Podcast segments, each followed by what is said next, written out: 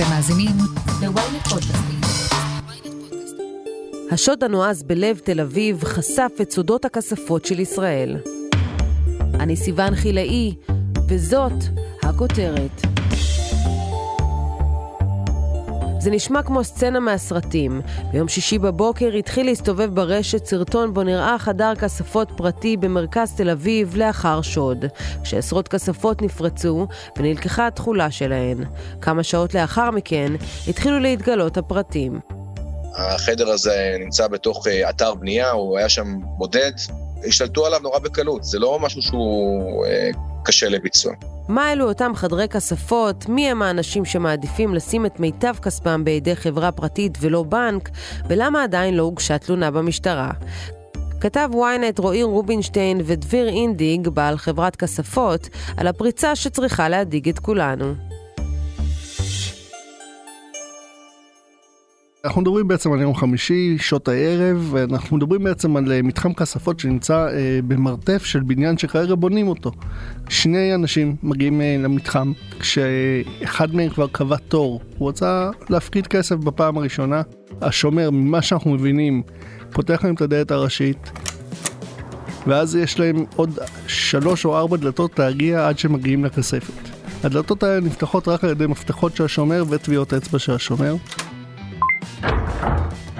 באיזשהו שלב מאוד מאוד מהיר, כבר במבואה הראשונה, ככל הנראה הם שולפים נשקים, ומשם הם פשוט גוררים את השומר לפתוח להם את שאר הדלתות. כאשר הם מגיעים לאזור הכספות, הם אה, ככל הנראה כופתים אותו בידיים וברגליים, ומתחילים אה, לנסות אה, לפרוץ את הכספות. עדיין לא ברור בדיוק איך הם פרצו אותם, כי כמובן אה, סוג כספות כזה, מה שאנחנו מדברים עם אנשים שיש להם כספות שם, בעצם שני מפתחות, את המפתח של השומר והמפתח של בעל הכספת, אבל לפי הצילומים שאנחנו כולנו ראינו כבר אה, בשלב הזה מתוך הכספת הזו, כנראה שהם השתמשו בכוח אה, די מסיבי, והם הצליחו לפרוץ עשרות כספות. רובם הם ממש כיוונו לכספות הגדולות יותר, ואנחנו יודעים שברחו עם השלל. כאשר הכספות נשארות אה, מאחורנית. ובאיזשהו שלב המאבטח כן אה, מצליח להזעיק למקום אה, כוחות משטרתיים, ומה קורה מאותו רגע? גם המפתח מזעיק את הכוחות, גם יש איזו שמועה על אזעקה שקטה שהתחילה לפעול, ככה שהם גם היו בחדר 10-20 דקות, לא יותר מזה. כל הפריצה הגדולה הזו מסתכמת לטווח זמנים כזה. מיד איך שמגלים את זה, המשטרה מתחילים לחקור את זה. אנחנו בתקשורת יודעים את זה בדרך 24 שעות אחרי זה, ביום שישי בערב, כאשר אה, סרטון יוצא, בעצם שרואים את השוטרים מגיעים אה, למקום, והדבר אולי הכי מעניין בכל הסיפור הזה, שעד עכשיו לא הוגשה אף תלונה של אף בעל כספת למשטרה. איך אתה מסביר את זה? יש לזה המון, אה, המון הסברים. אני הייתי שם ליד המקום ביום ראשון, ראינו כמה אנשים שמגיעים שהם בעלי כספות. חלקם יש להם דברים ערכי ערך שהם לא רוצים אה, עדיין לערב את המשטרה. כששאלתי אותם למה הם הפקידו שם את הדברים הערכי ערך שלהם, אמרו, זה עדיף לפעמים מבנק ועדיף לשמור את זה בבית. אבל יש גם הסברה אחרת, שככה צריכים להציף אותה. בסופו של דבר אין שום פיקוח על הכספות האלה. אתה יכול לשים שם מה שאתה רוצה, ואם זה נגיד סכום כסף מכובד, כמו ששמעתי מישהו שם שיוצא שאמר לי, כמובן בעילום שם, הפסדתי פה 150 אלף יורו, זה אומר שלא צריכים לשלם מס על ה-150 אלף יורו האלה. כי אם אתה מפחיד אותם בבנק, דברים uh, מתחילים לשאול אותך שאלות.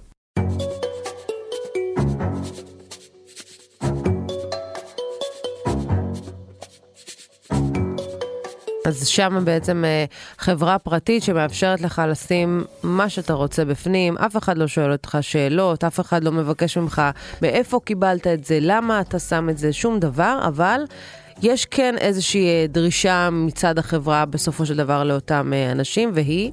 סכום, תשלום אה, לשלם על זה, 2,000 שקל בשנה, זה מה שהם גובים, יש חברות אחרות שגובות טיפה פחות, טיפה יותר, אבל בכל החברות שאיתן אה, דיברנו ביומים האחרונים בשביל אה, לבדוק איך זה עובד בדיוק, אומרים לא שואלים שאלות, צריכים רק לשלם את הכסף. יכול להיות שאותם אנשים יפסידו את הכסף שלהם בגלל שהם לא פנו למשטרה בכלל, לא הצהירו שנלקחו להם דברים, אה, לא מחפשים בכלל את אותם אנשים שלקחו להם את אותם אה, דברים יקרי ערך שהם טוענים שהם איבדו עכשיו. תראי, אני לא רוצה להסיק מסקנות, אבל אנחנו נמצאים, שוב פעם, כמה ימים אחרי הפריצה, ועדיין לא הוגשה אף תלונה רשמית אה, למשטרה מצד מישהו שהיה לו כספת שם. Mm-hmm.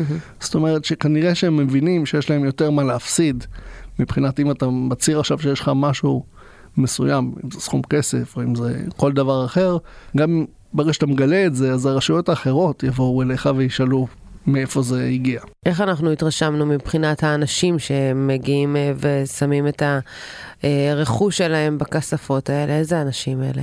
קודם כל זה אנשים שנמצאים כרגע במצב שחלקם בעצם עבד להם כל עולמם, כאילו לפחות הכלכלי. יכול להגיד לך שראיתי שם זוג אה, זקנים שאמרו כל החסרונות שלנו שמנו פה, וכרגע אין זכר אליהם. אנחנו כן יכולים לומר, הרבה מאוד מהאנשים שהפקידו שם כספים ושעונים ואפילו יצירות אומנות, אה, שמעתי, הם אה, עולים מצרפת, עולים מארצות הברית. אז הם יותר אנשים שמכירים גם כן את השיטה של הכספות שהם מחוץ אה, לבנקים, שזה דבר שקורה... שנפוץ מעבר, יותר בחו"ל. נפוץ יותר מעבר לים, ולכן גם כשהם הגיעו לארץ, כשהם עשו עלייה, אז הם הלכו ישר לכספות האלה ולא לכספות של הבנקים.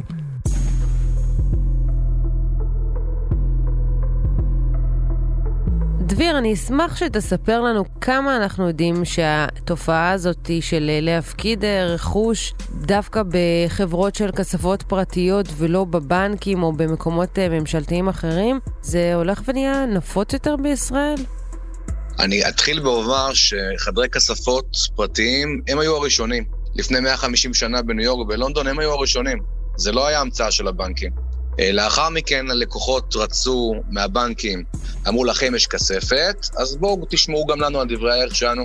הבנקים נכנסו לזה אחר כך, במשך עשרות שנים, ומה שאנחנו רואים מתחילת שנת 2000, בכל העולם, לא רק בארץ, שבנקים סוגרים את כל הסניפים בגלל שעוברים אה, לתהליך של דיגיטציה, והשירות הכל כך חשוב הזה, של אה, שמירת דברי ערך לא בכספת ביתית או משרדית, אלא במקום מאובטח ושמור 24/7, בעצם השירות הזה הולך ונעלם. ואיך זה היום? אז היום יש גם במעט מאוד בנקים בארץ, אה, גם בבנקים בעולם יש, אבל זה שירות שהולך ופוחת, ושחברות פרטיות חוזרות ונותנות את הטון של שמירת דברי ערך בחדרי כספות מאובטחים, מה שנקרא uh, Safe Deposit Centers, היום יש כבר חדרי כספות אוטומטיים ללא מגע יד אדם, שאנחנו גם הולכים להביא אחד כזה לארץ בקרוב. אבל זה שירות חשוב, למרות שהמזומן הולך ומצטמצם, עדיין היו ויהיו דברי ערך. זה לא יעלה מן העולם. אה, אפילו הביטקוין והאתריום, צריך לשים אותם באחסון קר בלג'ר או בטרז'ר, שזה בעצם דיסק און קי. את הדיסק און קי הזה, אם אתה מאבד, או גנבו לך אותו, או נשרף לך, את זה אתה חייב לשים בכספת. אז השירות של חדרי כספות הוא שירות שקיים 150 שנה והוא נדרש, גם כיום. יש גם איזושהי מדיניות כזאת של אה, אדם שישים את הרכוש שלו, לא ישאלו אותו בעצם מה הוא שם באותה כספת? המדיניות הזאת קיימת בכל העולם, זה לא משהו שהוא חריג, זה הגיוני, זה סביר.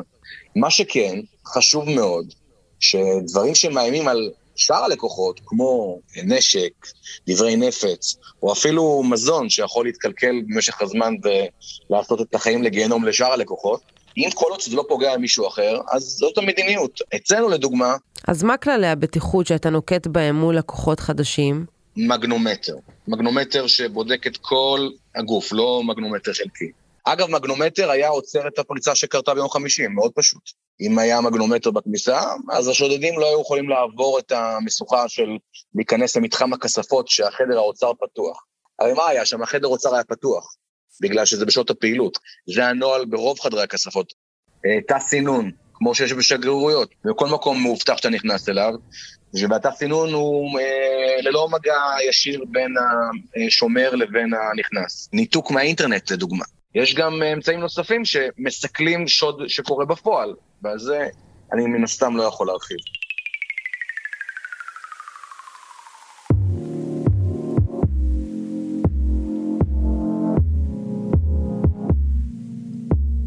למעשה, אם אותה חברה לא שואלת את הלקוח שלה מה היה לו בתוך הכספת הזאת, אז היא לא יכולה גם לאפשר איזשהו החזר או פיצויים או כל דבר אחר, במידה וקורה דבר כזה, שיש שוד כזה ותוכן הכספות אה, נגנב. מה, מה עושים? אז קודם כל, הנוהג בחדרי כספות בעולם, שהלקוח חותם על הצהרה לצורך הביטוח ועליה הוא מבוטח, ולפיה הוא משלם גם פרמיה. אין דבר כזה ביטוח ללא הגבלה. אם אתה רוצה להיות מבוטח, מן הסתם אתה צריך לשלם פרמיה, ושחברת הביטוח תדע שזה החשיפה שלה. אז לקוחות אצלנו, יש להם אפשרות לבטח עד חצי מיליון דולר, הם לא צריכים לתת פירוט ברמת הרזולוציה איזה שעון ואיזה תכשיט, אבל כן צריך לדעת איזה היקף כספי, ולפי זה הם משלמים את הפרמיה. ולפי זה בשעת אירוע חלילה הם יהיו מבוטחים. יש איזושהי רגולציה על חברות uh, כספות כאלה? למרות שאני ליברטריאן בדעותיי, ואני חושב שרגולציה זה דבר שהוא צריך להמעיט בו ככל האפשר, בתחום הזה ייתכן ויצטרכו להעמיס רגולציה מעבר למה שקיים, ושיהיה סטנדרט מסוים אחיד, ושלקוחות יראו אוקיי, זה חדר כספות ב class A, זה חדר כספות ב class B, לפי תקן מסוים, ושזה לא רק הבנייה שלו, אלא גם איך אתה מתפעל את החדר הזה, גם בשעת הפעילות וגם בשעות שהוא לא פעיל לכניסה ללקוחות. ויכול להיות שהרגולטור צריך להתערב בזה, ושיהיה איזשהו סטנדרט מסוים לחדרי כספות, כדי שמקרה כמו שקרה ביום חמישי לא יישנה. דביר אינדיג, תודה רבה לך. בבקשה, יום טוב. מיד נמשיך עם הכותרת, אבל לפני כן, הפסקה קצרה. היי, אני לא רשתת מאור, עורכת ynet יחסים. אני רוצה להזמין אתכם לפודקאסט שלי, סקס אפיל. בכל פרק נדבר על הדבר החשוב באמת, סקס. איך הוא משפיע עלינו, מה היחס שלנו אליו, ואיך אנחנו יכולים לנהל חיי מין טובים ובריאים יותר. בכל יום רביעי פרק חדש בספוטיפיי וגם באפליקציות הפודקאסטים שלכם. חפשו סקס אפיל ונשתמע.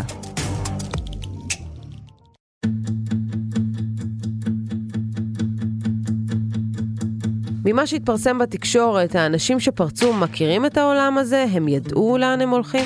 תראי, מדובר בעסק פרוץ בסך הכל בסופו של דבר. כמו שכבר דיברנו על זה, אין הרבה רגולציה ואין הרבה עניינים של uh, מה המשטרה מצפה מכל חדר וחדר שיהיה לו. מה שכן אנחנו יכולים לחשוב עליו זה שהשניים שכן אה, פרצו לכספת הזו, למספר הכספות האלה, הכירו מה זה חדר כספות, זאת אומרת הם ידעו לאן הם נכנסים, הם ידעו לאן לכוון ואיזה כספות כן להוציא, הם הוציאו את הכספות הגדולות, השאירו את הכספות הקטנות, ולכן זה די ברור היום בשלב הזה שגם אם אנחנו לא יודעים מי זה, אנחנו יודעים טיפה מאוד מהאופי שלו ומזה שהוא כן יודע מה זה חדר כספות. במשטרה מנסים למצוא את אותם שני אנשים, הרי אנחנו מבינים שהם לא היו רעולי פנים או משהו כזה, הם היו מזוהים במצלמות. הם היו מזוהים, אבל כמובן עם כובע ועם אה, מסכה שמקשה מאוד על uh, הזיהוי שלהם באופן כללי, חלק מתקופת הקורונה שעוברת על כולנו. אין להם כרגע לפי דעתי קצה חוט לגבי מי האנשים האלה, אבל כן החקירה מתנהלת לקחו את הסרטונים שהיו שם, שואלים את האנשים גם כן אה, מה קרה בדיוק, את הבעלים של המקום הזה, וגם אה, אני יודע שדיברו כבר עם השומר עצמו. אני מאוד מקווה שבימים הקרובים איכשהו יגיעו אל שני החשודים האלה. מה קורה באמת עם אותו שומר, עם אותו מאבטח של הבניין, שהכל אה, קרה תחת המשמרת שלו? תשמעי, לא יצא לי ולא לאף אחד אחר נראה לי לדבר איתו, ממש אה, מגינים עליו אה, גם מהצד של המשטרה וגם מהצד של החברה, אבל אני בטוח שזה לא אה, מרגעיו הכי מאושרים בחיים, בכל זאת היה לו שם תפקיד והוא אה, אה, לא עשה אותו כמיטבו.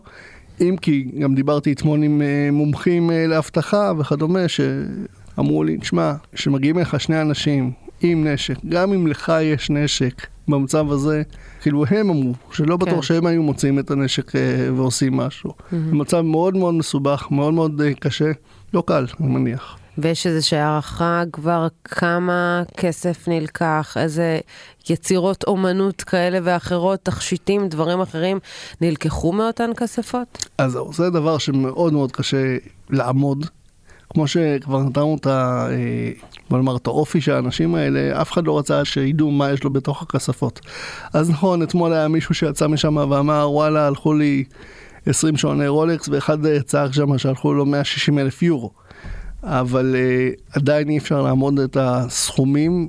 יש כאלה שמדברים על מיליונים, ששמעתי אותם אומרים את זה, ויש כאלה שהם יותר אה, קרובים, בוא נאמר, למנכ"ל החברה וכדומה, שהם אומרים, תשמעו, מדובר פה על מאות אלפי שקלים סך הכל.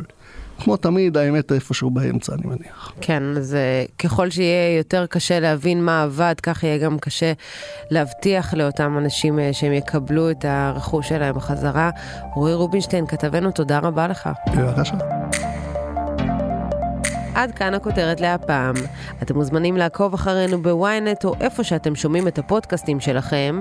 אם זה קורה בספוטיפיי, אתם מוזמנים גם לדרג אותנו ולהאזין לפרקים נוספים על עולם הפשע כמו בן השר ותעלומת רצח הנער. וגם, אל תשכחו לשלוח את הפרק לחבר שעדיין לא שמע את הכותרת של היום. עורך הפודקאסטים הוא רון טוביה, גיא סלם סייע בעריכת הפרק, דניאל עמוס הפיקה. על הסאונד, ניסו עזרן.